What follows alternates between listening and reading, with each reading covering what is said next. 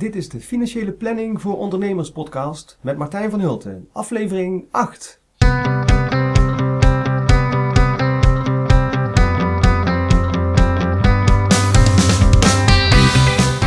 Ben je al jarenlang ondernemer? Net gestart? Of heb je plannen om voor jezelf te beginnen? In deze podcast krijg je informatie over alle mogelijke zaken waar je als ondernemer tegenaan loopt. Ik ben Martijn van Hulten, financieel planner en belastingadviseur en zelf al ruim 13 jaar ondernemer. Welkom terug bij weer een nieuwe aflevering van de Financiële Planning voor Ondernemers podcast. Het is eh, vandaag 17 maart als ik dit opneem en ik wil het vandaag met name gaan hebben over uh, ondernemerschap. Jij bent als uh, ondernemer misschien al een tijdje aan de gang, of misschien ben je bezig om na te denken over wat je gaat doen of hoe je voor jezelf kunt beginnen. Nou, er zijn allerlei dingen waar je rekening mee moet houden als je heel graag als ondernemer aan de slag wilt. En uiteindelijk is natuurlijk het belangrijkste, uh, of het is in ieder geval heel belangrijk dat je als ondernemer ook wordt ge, gezien door de Belastingdienst. En waarom is dat nou zo belangrijk? Op het moment dat jij als, uh, als ondernemer wordt gezien door de Belastingdienst, dan krijg je allerlei faciliteiten, voordelen, belastingvoordelen, die je als uh, iemand die in loondienst is of iemand die dat als een soort bijverdienste doet, niet krijgt. En die voordelen zijn aanzienlijk. Want je krijgt bijvoorbeeld de MKB winstvrijstelling, dat is een, een aftrekpost. Uh, je mag van de winst die je behaalt, mag je de eerste 14% al aftrekken voordat je, daar, voordat je belasting moet gaan betalen. Daarnaast kan het zijn dat als je voldoende uren maakt per jaar, dat je dan ook zelfstandige aftrek krijgt. En in de eerste jaren dat je ondernemer bent, mag je zelfs nog een extra bedrag aan startersaftrek in mindering brengen. Dat betekent dat je in totaal al een, een behoorlijk deel van je winst uh, mag ontvangen zonder dat je daar belasting over hoeft te betalen. Nou, afgelopen week sprak ik een ondernemer die uh, pas geleden was bezocht door de Belastingdienst. En de Belastingdienst die had, uh, vroeg zich af of dat deze meneer wel ondernemer was. En nou, dit was uh, een, een, een, moderne ondernemer in mijn ogen. Het was iemand die al jarenlang bezig was met het ontwikkelen van een concept op internet. En uh, dat zie je natuurlijk steeds meer gebeuren. Hè? Dat ondernemers proberen om via internet producten te verkopen. En dat kunnen natuurlijk dat kunnen fysieke producten zijn, zoals, nou, zoals je bijvoorbeeld op bol.com kunt bestellen. Maar het, het zou ook kunnen zijn dat de plaatselijke fietsenmaker besluit om de uh, onderdelen, fietsonderdelen die hij in zijn winkel verkoopt, om die ook via internet te gaan verkopen. Nou, dat zijn dan de, de fysieke producten die je kunt verkopen via internet. Maar je kunt natuurlijk ook, uh, of natuurlijk, je, je kunt natuurlijk ook um, uh, digitale producten verkopen. En je ziet steeds vaker dat um, ondernemers die een dienstverlenend beroep hebben, dat die ook via internet hun diensten aan gaan bieden. En dat kunnen dan gewoon consultancyuren zijn, hè, dat je reclame maakt via internet en dat mensen jou kunnen vinden op, uh, via je website. En, uh, en je gaan bellen of mailen om een afspraak te maken. Maar je kunt ook bijvoorbeeld webinars organiseren en, en die opnemen en de, de opnames van zo'n webinar weer uh, tegen betaling ter beschikking stellen via internet. Of iemand maakt een, een, een, tutorial, een soort instructievideo over hoe je bijvoorbeeld een bepaald computerprogramma moet gebruiken. Of je kunt bepaalde checklists uh, opstellen van hoe je be, uh, volgens een aantal stappen tot een bepaalde uitkomst moet komen. En als mensen uh, op zoek zijn naar van hoe kan ik nou, uh, hoe kan ik dat voor elkaar krijgen, dan uh, kunnen ze bijvoorbeeld zo'n checklist via internet aankopen. En heel vaak zie je tegenwoordig dat er soort cursussen worden aangeboden waarin al die onderdelen worden gecombineerd en waarbij je dus zowel een instructievideo als checklists als een, bijvoorbeeld een, een, een, een geluidsopname zoals deze Hè, dat ze die combineren bij elkaar in één product maken en dat dan via internet aanbieden. Zo zijn er dus ondernemers die al in de normale wereld bezig zijn met hun, uh, met hun beroep of hun vak. Uh, en die dus langzamerhand ook op internet hun diensten gaan aanbieden of hun producten. Uh, maar je hebt natuurlijk ook ondernemers die gewoon van scratch af beginnen en alleen maar op internet aan de gang gaan. Nou, en met name dat soort startende ondernemers, daarvan is het, uh, dat, die hebben het lastig om bij de Belastingdienst aan te kunnen tonen dat ze ook daadwerkelijk ondernemer zijn. Want in eerste instantie kost het natuurlijk heel veel tijd om dit soort producten en diensten om die te ontwikkelen en erover na te denken en om ze te zorgen dat ze tot uitvoering komen en dat, dat er ook daadwerkelijk iets op internet verschijnt. Je moet, daarnaast moet je zorgen dat mensen jou, jouw website gaan vinden en eh, nou, dat kost allemaal tijd. En eh, zolang daar nog geen, eh, zolang er op internet nog niks te vinden is, eh, komen er dus ook geen inkomsten, maar er zijn wel kosten. Nou, dat was nou bij deze ondernemer ook het geval. Die had een, uh, was al een paar jaar bezig om te proberen online een onderneming op te zetten. En uh, een eerste poging van een paar jaar geleden, die had hem al een smak privégeld gekost. En, ja, nou, en, en heel veel tijd natuurlijk en energie. En nou ja, dat lukte niet echt om dat van de grond te krijgen, maar hij had daar wel van geleerd en hij was nu inmiddels bezig met een iets aangepaste versie van zijn concept om dat op internet te gaan zetten. Nou, en heel belangrijk als je dan zo'n onderneming op internet aan het opzetten bent, is natuurlijk dat je mensen krijgt die naar jouw website komen. Want als je geen mensen op je website hebt, dan heb je ook geen mensen die klikken op je producten en dan verkoop je dus ook niks. Dus moet je erover nadenken van hoe ga ik nou die mensen naar mijn website krijgen. Traffic noemen ze dat hè, op internet. Nou, als je dat, uh, uh, je hebt daar gewoon verschillende methodes voor, die een beetje vergelijkbaar zijn met methodes uh, hoe je klanten naar je fysieke winkel zou trekken. Je kunt bijvoorbeeld brieven rondsturen hè, naar, naar potentiële klanten. Als je een bepaalde doelgroep hebt, dan kun je die heel gericht mailen. Nou, dat noemen ze dan, ja, op internet zijn dat dan e-maillijsten die je kunt vormen waarbij je e-mailadressen probeert te verzamelen van potentiële uh, klanten, van leads. En uh, die mensen die ga je vervolgens uh, informatie sturen over jouw diensten of producten en proberen om ze via een link naar jouw website te lokken. in de fysieke wereld, met een normale winkel, heb je natuurlijk ook mond-tot-mond reclame dus klanten die iets bij jou gekocht hebben, die blij zijn met wat je hebt aangeboden, of die erg tevreden zijn over de manier waarop jij dingen aanpakt, die kunnen dat dan doorvertellen aan vrienden en bekenden die wellicht eh, ook eh, datzelfde product zoeken of daar profijt van zouden kunnen hebben. Nou, dat mond-tot-mond reclame, dat is op internet, wordt dat dan met name via de sociale media gedaan.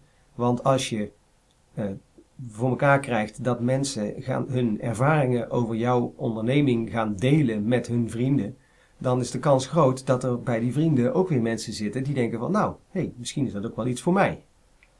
dus zo ga je, uh, dan zie je dus op die website zie je uh, links naar uh, Twitter, naar Facebook, om te zorgen dat klanten die tevreden zijn over jouw diensten, dat die ook hun vrienden gaan wijzen op jouw aanwezigheid op internet en gaan proberen om, uh, of ja, in ieder geval, uh, ja, jou aanbevelen bij hun vrienden. En dat is eigenlijk zeg maar de oude mond-tot-mond -mond reclame zoals die natuurlijk gewoon in het offline wereldje ook gewoon aanwezig is. Nou, en dan kun je tenslotte kun je dan ook nog bijvoorbeeld adverteren hè, in de normale winkelwereld uh, heb je een, uh, advertenties bijvoorbeeld in kranten of je zet een groot bord buiten op straat en daar kun je bepaalde aanbiedingen op vermelden. Nou, ook op internet is er zo'n advertentiewereld, heel veel zelfs. En de bekendste daarvan is natuurlijk Google, die met Google AdWords mensen de mogelijkheid geeft om advertenties te plaatsen op de uh, Google uh, search pagina's. Dus op het moment dat je Google intypt, dan zie je een aantal advertenties staan altijd. Hè, dus mensen die een product verkopen in de richting van waar jij naar zoekt, die laten hun, hun onderneming of hun website laten ze door Google prominent op die zoekpagina zien. En nou ja, dat natuurlijk met de bedoeling om uiteindelijk die mensen naar jouw pagina te laten klikken. Dat is natuurlijk een heel slim systeem. Google verdient daar miljarden mee uh, wereldwijd, want uh, heel veel mensen, heel veel ondernemingen uh, laten hun, hun pagina, hun diensten op die manier in een advertentie plaatsen. En ze kunnen ook namelijk heel gericht kunnen ze adverteren. Maar dat geldt niet alleen voor Google, want je kunt natuurlijk ook bijvoorbeeld op Facebook kun je advertenties plaatsen. En je kunt heel, heel gericht binnen Facebook aangeven welke doelgroep je wil hebben uh, welke, bij welke doelgroep dat je wilt dat jouw advertentie uh, zichtbaar wordt. En tegenwoordig zie je in je timeline, als je op Facebook kijkt, zie je steeds vaker ook allerlei advertentieaanbiedingen langskomen. Nou, dat zijn dus mensen die daarvoor betaald hebben om hun advertentie precies aan jou te laten zien. En dat komt omdat jij een bepaalde leeftijd hebt of van een bepaald geslacht bent of omdat jij in een bepaalde regio woont, of omdat je een bepaalde opleiding hebt genoten, of omdat je eh, in een bepaalde branche werkt. Je kunt niet verzinnen hoeveel informatie Facebook weet van jou en waar zij dus heel gericht uh, advertenties op, kunnen, uh, op af kunnen schieten. Nou, mijn klant die had uh, met name zich gericht op de eerste mogelijkheid. Hè, dus uh, te proberen via mails om daar dus klanten mee naar de website te lokken. En dat was hem aardig gelukt al, want hij had inmiddels via allerlei andere ondernemingen had hij e-mailadressen verkregen. En hij had al zo'n ruim 1500 mensen in zijn e-maillijst staan. 1500 potentiële klanten waar hij dus zijn uh, dienst aan zou willen gaan verkopen. Nou, dat is 1500 potentiële cliënten in een e-maillijst. Dat is al heel aardig. En je kunt uh, door die mensen op een goede manier te benaderen, is het zeker mogelijk om daar een, een als je product goed is natuurlijk, hè, of je dienst goed is, om daar een behoorlijke omzet op te gaan genereren.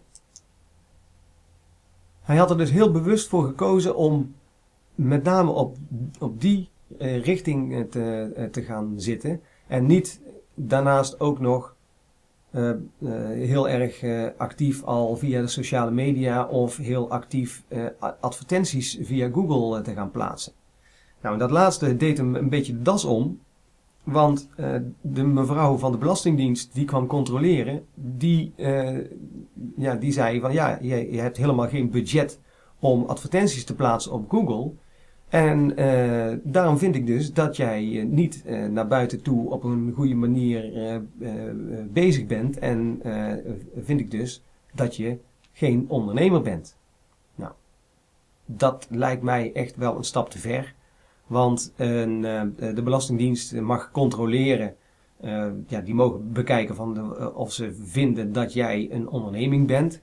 Hè, en daarvoor gaan ze een aantal criteria af. En een van de criteria is dat, de, dat, dat, dat je winst moet beogen en dat die winst ook redelijkerwijs te verwachten moet zijn. Maar ze mogen daarbij niet op de stoel van de ondernemer gaan zitten en vertellen waar jij je advertenties moet kopen of op welke manier jij je promotie moet doen om uiteindelijk uh, te zorgen dat je omzet gaat krijgen. Dus uh, ja, het lijkt er eigenlijk haast op alsof de Belastingdienst aandelen Google heeft en dat ze uh, dus aan het promoten zijn dat ondernemers via Google advertenties moeten gaan plaatsen. En dat kan natuurlijk nooit de bedoeling zijn. De Belastingdienst mag wel kijken of jij, ze mogen de, de, de, de kosten die je maakt, mogen ze wel toetsen aan uh, wat een, een, normaal denkend ondernemer zou doen. Hè, in het verleden is er wel eens, zijn er uitspraken geweest van bijvoorbeeld een tandarts die een, een Cessna vliegtuigje had en daarmee zijn klanten ging bezoeken die wat verder weg woonden. En daarvan werd gezegd van nou ja, dat is geen, geen redelijk denkend ondernemer zou in die situatie een vliegtuig gaan kopen. Dus dat, heeft zoveel, dat is zozeer een privé uh, aangelegenheid en uh, dat je het leuk vindt om te vliegen, dat wil nog niet zeggen dat daarmee de kosten van zo'n vliegtuig ook uh, aftrekbaar zijn. En zo zijn er wel meer uitspraken geweest in het verleden waarin de Belastingdienst dus wel marginaal mag toetsen of de kosten die je maakt, of die redelijkerwijs door andere ondernemers ook gemaakt zouden worden. Maar ze mogen niet op de stoel van de ondernemer gaan zitten en zeggen en nu moet je daar iets gaan kopen of nu moet je op die manier moet je mensen uh, proberen naar, jou, uh, naar jouw winkel te krijgen. Waaraan moet je dan wel voldoen om een ondernemer te zijn voor de Belastingdienst?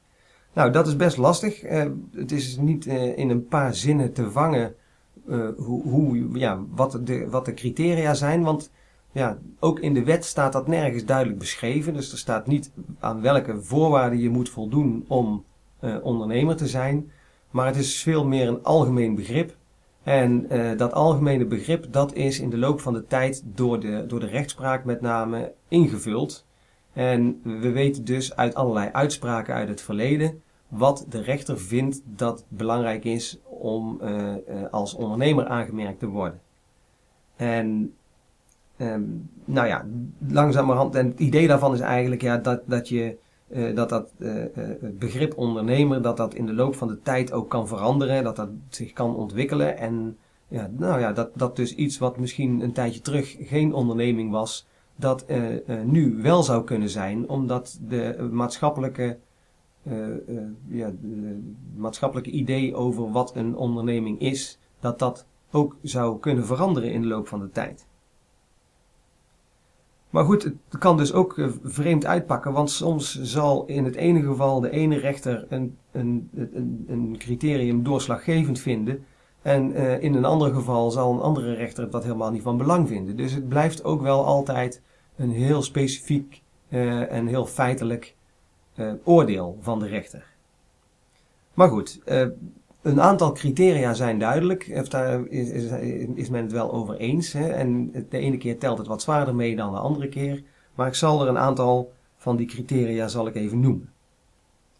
Allereerst is het van belang dat, de, dat er sprake moet zijn van duurzaamheid en dat er enige omvang moet zijn. Dus op het moment dat jij eenmalig uh, iets verkoopt, als jij via marktplaatsen je tweedehands fiets verkoopt, dan zal dat niet als een onderneming worden gezien, want het is geen duurzame activiteit en de omvang is eh, zo beperkt dat dat niet als onderneming wordt aangemerkt. Wat ook belangrijk is, eh, of kan zijn, is de omvang van de baten die je eh, krijgt. Nou, dat, nou is dat natuurlijk lastig, zeker in een situatie dat je, zoals mijn klant, bezig bent met het opzetten van een onderneming. Nou, in die eerste jaren, of de eerste eh, periode, heb je natuurlijk echt niet veel omzet, of misschien wel helemaal geen omzet. Want uh, ja, je zult eerst moeten zorgen dat het hele traject staat en je zult moeten zorgen dat er mensen jouw website gaan vinden. En dan pas komen op een gegeven moment de eerste baten binnen. Maar als je daarmee bezig bent om zoiets op te zetten, dan zou ik toch wel willen adviseren om zo snel mogelijk te zorgen dat er in ieder geval iets van, van omzet op gang komt en dat er iets van baten, is, uh, baten zijn. En je kunt dus, uh, uh, al is het maar heel eenvoudig, met een, een klein onderdeel beginnen wat je, waar je even heel erg veel aandacht op richt om te zorgen dat bijvoorbeeld een tutorial of een bepaald e-book of een, een, een, een, een, webinar of, of desnoods link je in jouw website naar uh, producten van een andere ondernemer, waardoor je een percentage van de opbrengst krijgt die, uh, uh, van, van de verkopen die via jouw website tot stand komen. Zodat er in ieder geval iets van opbrengst op gang komt.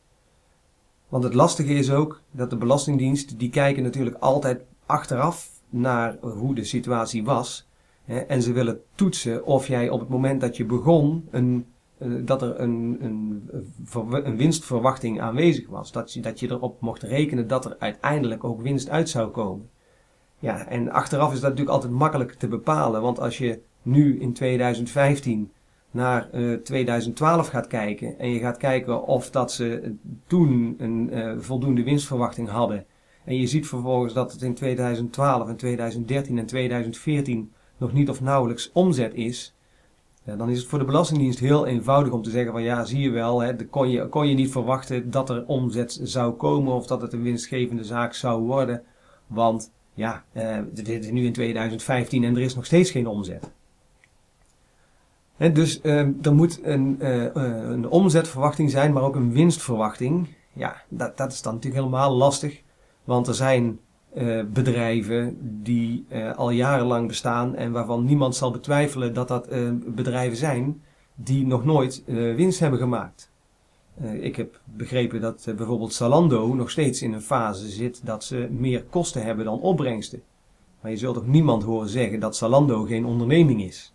Dus ja, het is ook weer geen doorslaggevend feit. Hè. Je kunt ook zonder dat je daadwerkelijk winst maakt wel ondernemer zijn.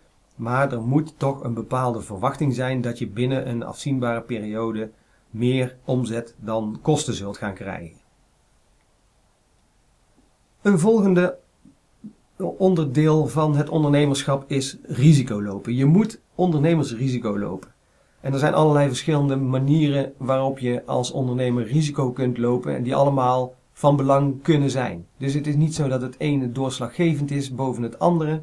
Maar uh, ja, alle risico, elk risico dat je loopt, kan meehelpen in de beoordeling of je een onderneming hebt of niet.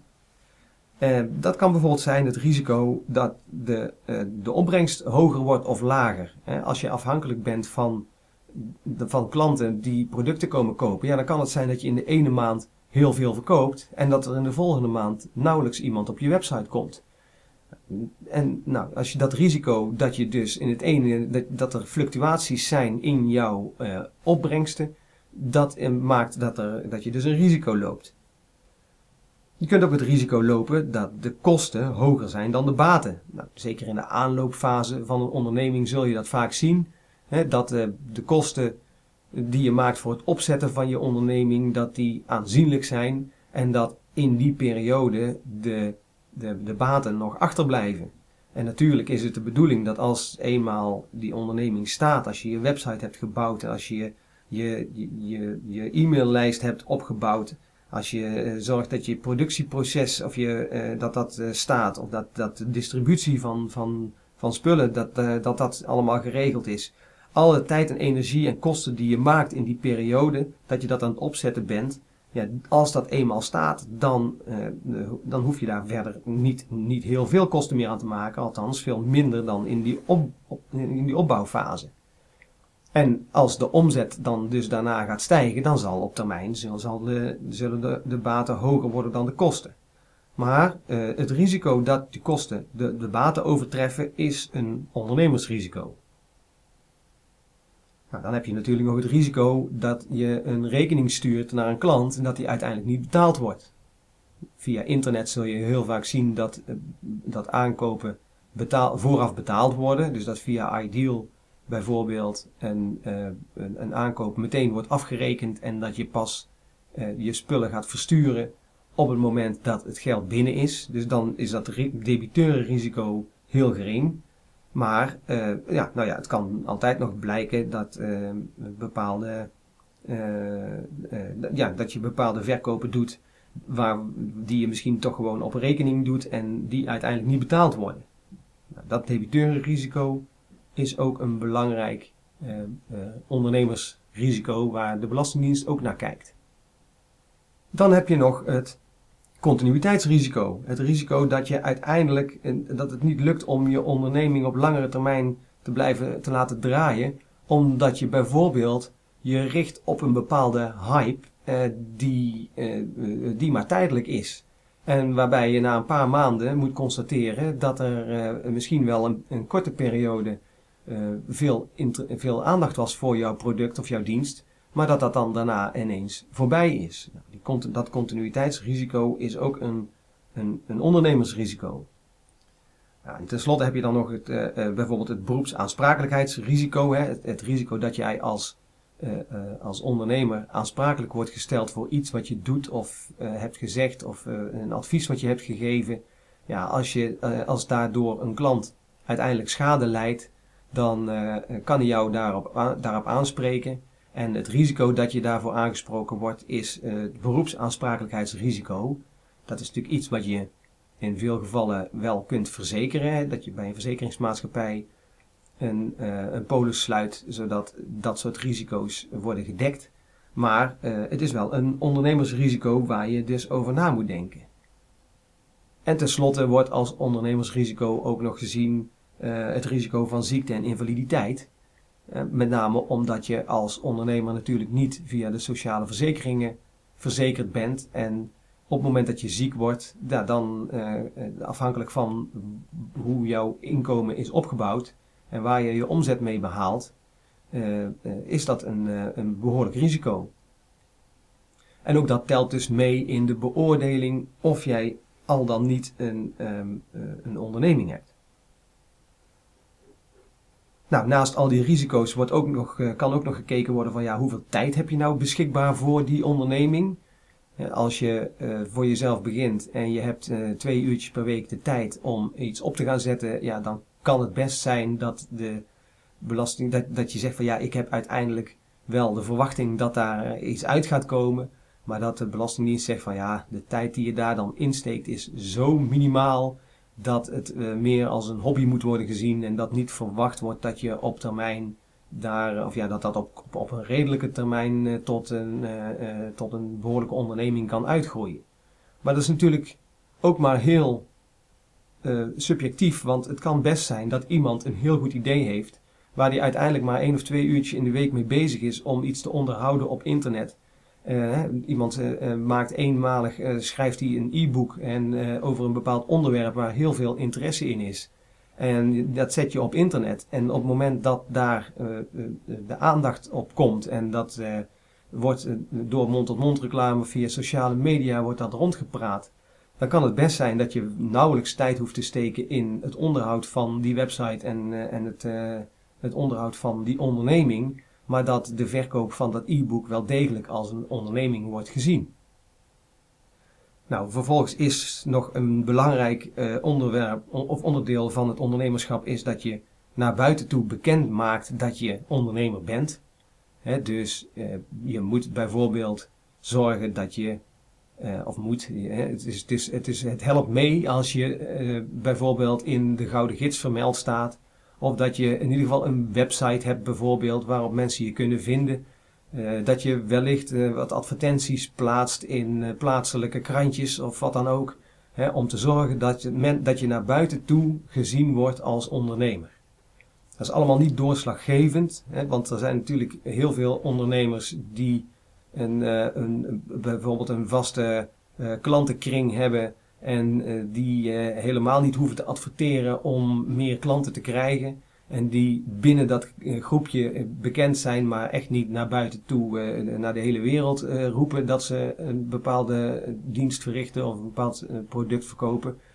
maar uiteindelijk kan dat wel meehelpen. Als je wil zorgen dat je als ondernemer gezien wordt door de Belastingdienst, dan is het handig om te zorgen dat je inderdaad naar buiten toe ook gezien wordt als ondernemer. Nou, vervolgens is nog een belangrijk uh, onderdeel waar ze naar kijken het aantal opdrachtgevers dat je hebt. want uh, de, het idee is dat als je maar één opdrachtgever hebt, dat, je, dat er dan uh, sprake is van een, een, afhankelijkheid van die ene opdrachtgever en dat er heel vaak een, een, toch een soort gezagsverhouding zal zijn. En op het moment dat er een gezagsverhouding is tussen een opdrachtgever en de, en de, de ondernemer, dan vindt de Belastingdienst dat dat eerder een dienstbetrekking lijkt dan dat het een onderneming is. En als het een uh, dienstbetrekking lijkt, dan, uh, ja, dan zullen ze dus in eerste instantie dat ook als loon willen belasten en niet zozeer als winst uit onderneming. Nou, en als laatste wordt dan nog genoemd uh, dat je moet kijken naar wat er in het spraakgebruik uh, onder een onderneming wordt verstaan. En uh, nou ja, dat is natuurlijk een heel vaag begrip. Want ja, dat hangt er dus maar helemaal vanaf. Van allerlei, allerlei factoren. En dat kan dus heel erg van de ene tot andere situatie verschillen. Goed, zoals ik al zei, was in het geval van mijn cliënt uh, was de, de belastinginspecteur nogal uh, op de stoel van de ondernemer gaan zitten. En dat, uh, dat, mag, je dus, dat mag je eigenlijk niet doen. dus in deze situatie zal ik dat zeker aan gaan vechten en gaan, ervoor gaan zorgen dat in ieder geval dat criterium van tafel gaat in deze, in deze specifieke situatie. Maar goed, daarmee wil het nog niet zeggen dat, uh, dat het daarmee wel goed gaat. Want het zou natuurlijk best kunnen dat uh, er andere argumenten zijn waardoor uh, toch deze ondernemer niet als zodanig wordt aangemerkt door de Belastingdienst. En dat het dus toch wordt gezien als een soort hobby. En ja, dat, dat de, de ondernemersfaciliteiten in ieder geval in, in de afgelopen jaren nog niet van toepassing zullen zijn. En het lastige daarbij is natuurlijk wel uh, dat er uh, sprake is, uh, dat, dat er nog weinig omzet is. Maar ja, iemand gaat niet duizenden euro's geld steken in het opzetten van zo'n onderneming. en hij, in deze situatie is deze man ook nog eens een keer gestopt met zijn baan en heeft eigenlijk alle tijd ter beschikking om deze, of om dit concept op internet uit te ontwikkelen. Ja, daar kan je toch haast niet van zeggen dat zo iemand dat, uh, dat, dat, dat niet een, een, eh, een onderneming is. En uh, het is gewoon wachten tot het moment dat de inkomensstroom op gang gaat komen. Maar goed, dat blijft een lastige discussie met, met de Belastingdienst in zo'n situatie. In het uiterste geval is er nog de mogelijkheid om te vragen dat de aanloopkosten die je maakt in de periode voordat je daadwerkelijk als ondernemer wordt aangemerkt door de Belastingdienst, eh, dat die aanloopkosten worden opgespaard en dat die in aftrek komen op de inkomsten die je in het eerste jaar van het ondernemerschap eh, gaat, eh, gaat krijgen. Dus dat heeft dan, dan heb je in ieder geval zeg maar de kostenaftrek nog. Maar fiscaal is het een stuk minder interessant dan echt ondernemer, als ondernemer aangemerkt te worden in die jaren. Want als je als ondernemer wordt aangemerkt, dan krijg je dus die faciliteiten.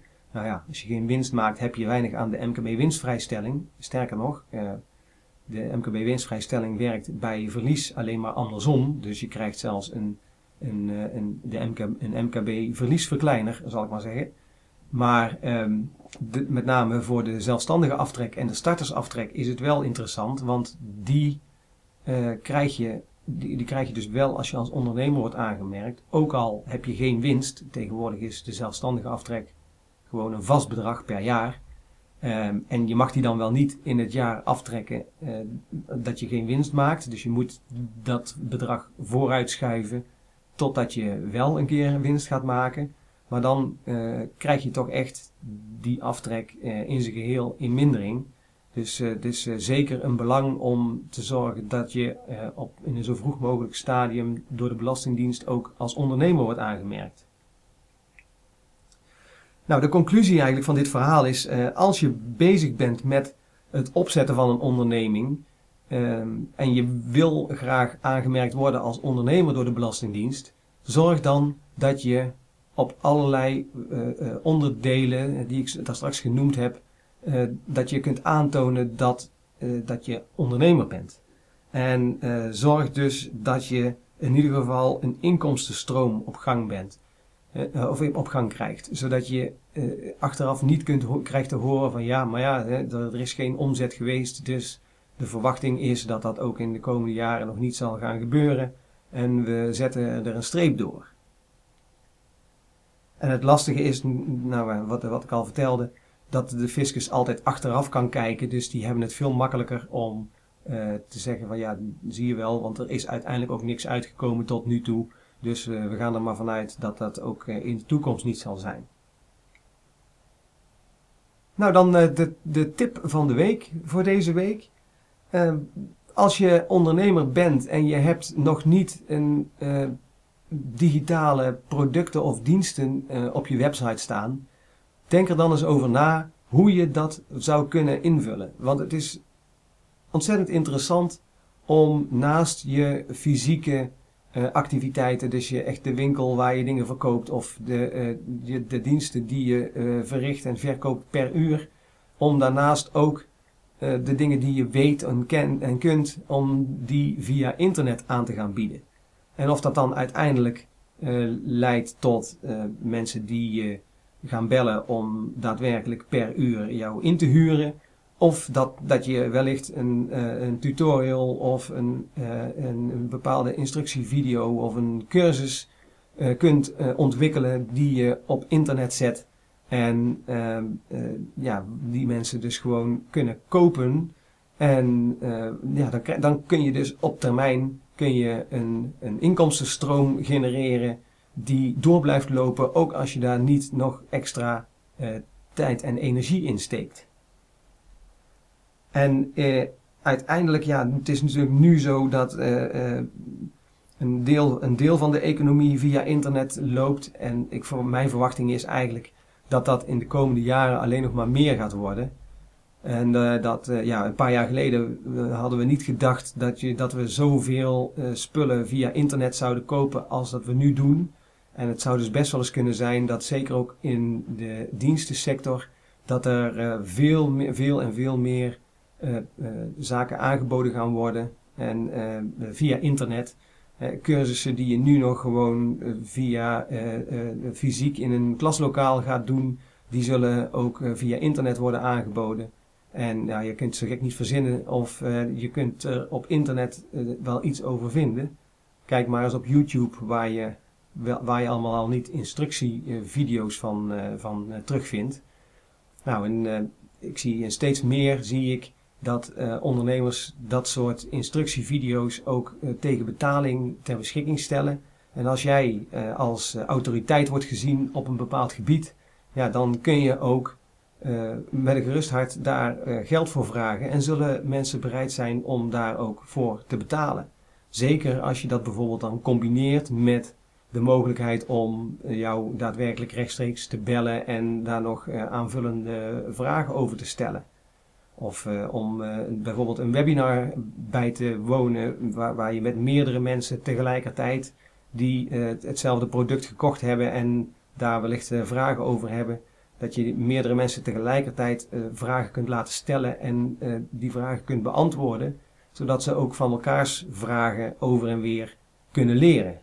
Nou, er zijn allerlei manieren om te bedenken hoe je via internet je diensten en je producten ter beschikking kunt stellen. En eh, als je dat niet al doet, dan zou ik je ten zeerste willen aanraden om eh, daar eens over na te denken. Goed, dat was het voor vandaag. Wij, ik vond het weer, weer leuk en ik ben al hard aan het nadenken over de volgende afleveringen, over onderwerpen voor die volgende afleveringen. Waarschijnlijk zal ik in de komende periode ook eh, een aantal mensen gaan interviewen. Daar ben ik nu mee bezig om dat eh, op te gaan zetten. En eh, nou ja, ik hoop dat je dat, dat je dat ook leuk vindt om te horen hoe andere ondernemers op hun vakgebied bezig zijn met financiële planning voor hun onderneming. En hoe zij zeg maar, hun onderneming hebben opgezet en welke problemen ze tegengekomen zijn en hoe ze die eh, wellicht hebben opgelost. Eh, ik denk dat, eh, dat we daar altijd van kunnen leren als je hoort hoe andere ondernemers dingen aanpakken. En dat dat een, een inspirerende podcast kan opleveren.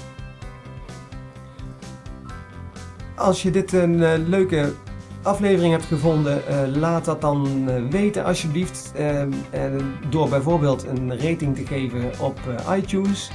En vertel ook tegen anderen dat dit er is, zodat ook anderen wellicht daar plezier van kunnen hebben. voor nu wens ik je nog een hele fijne dag en graag tot een volgende keer.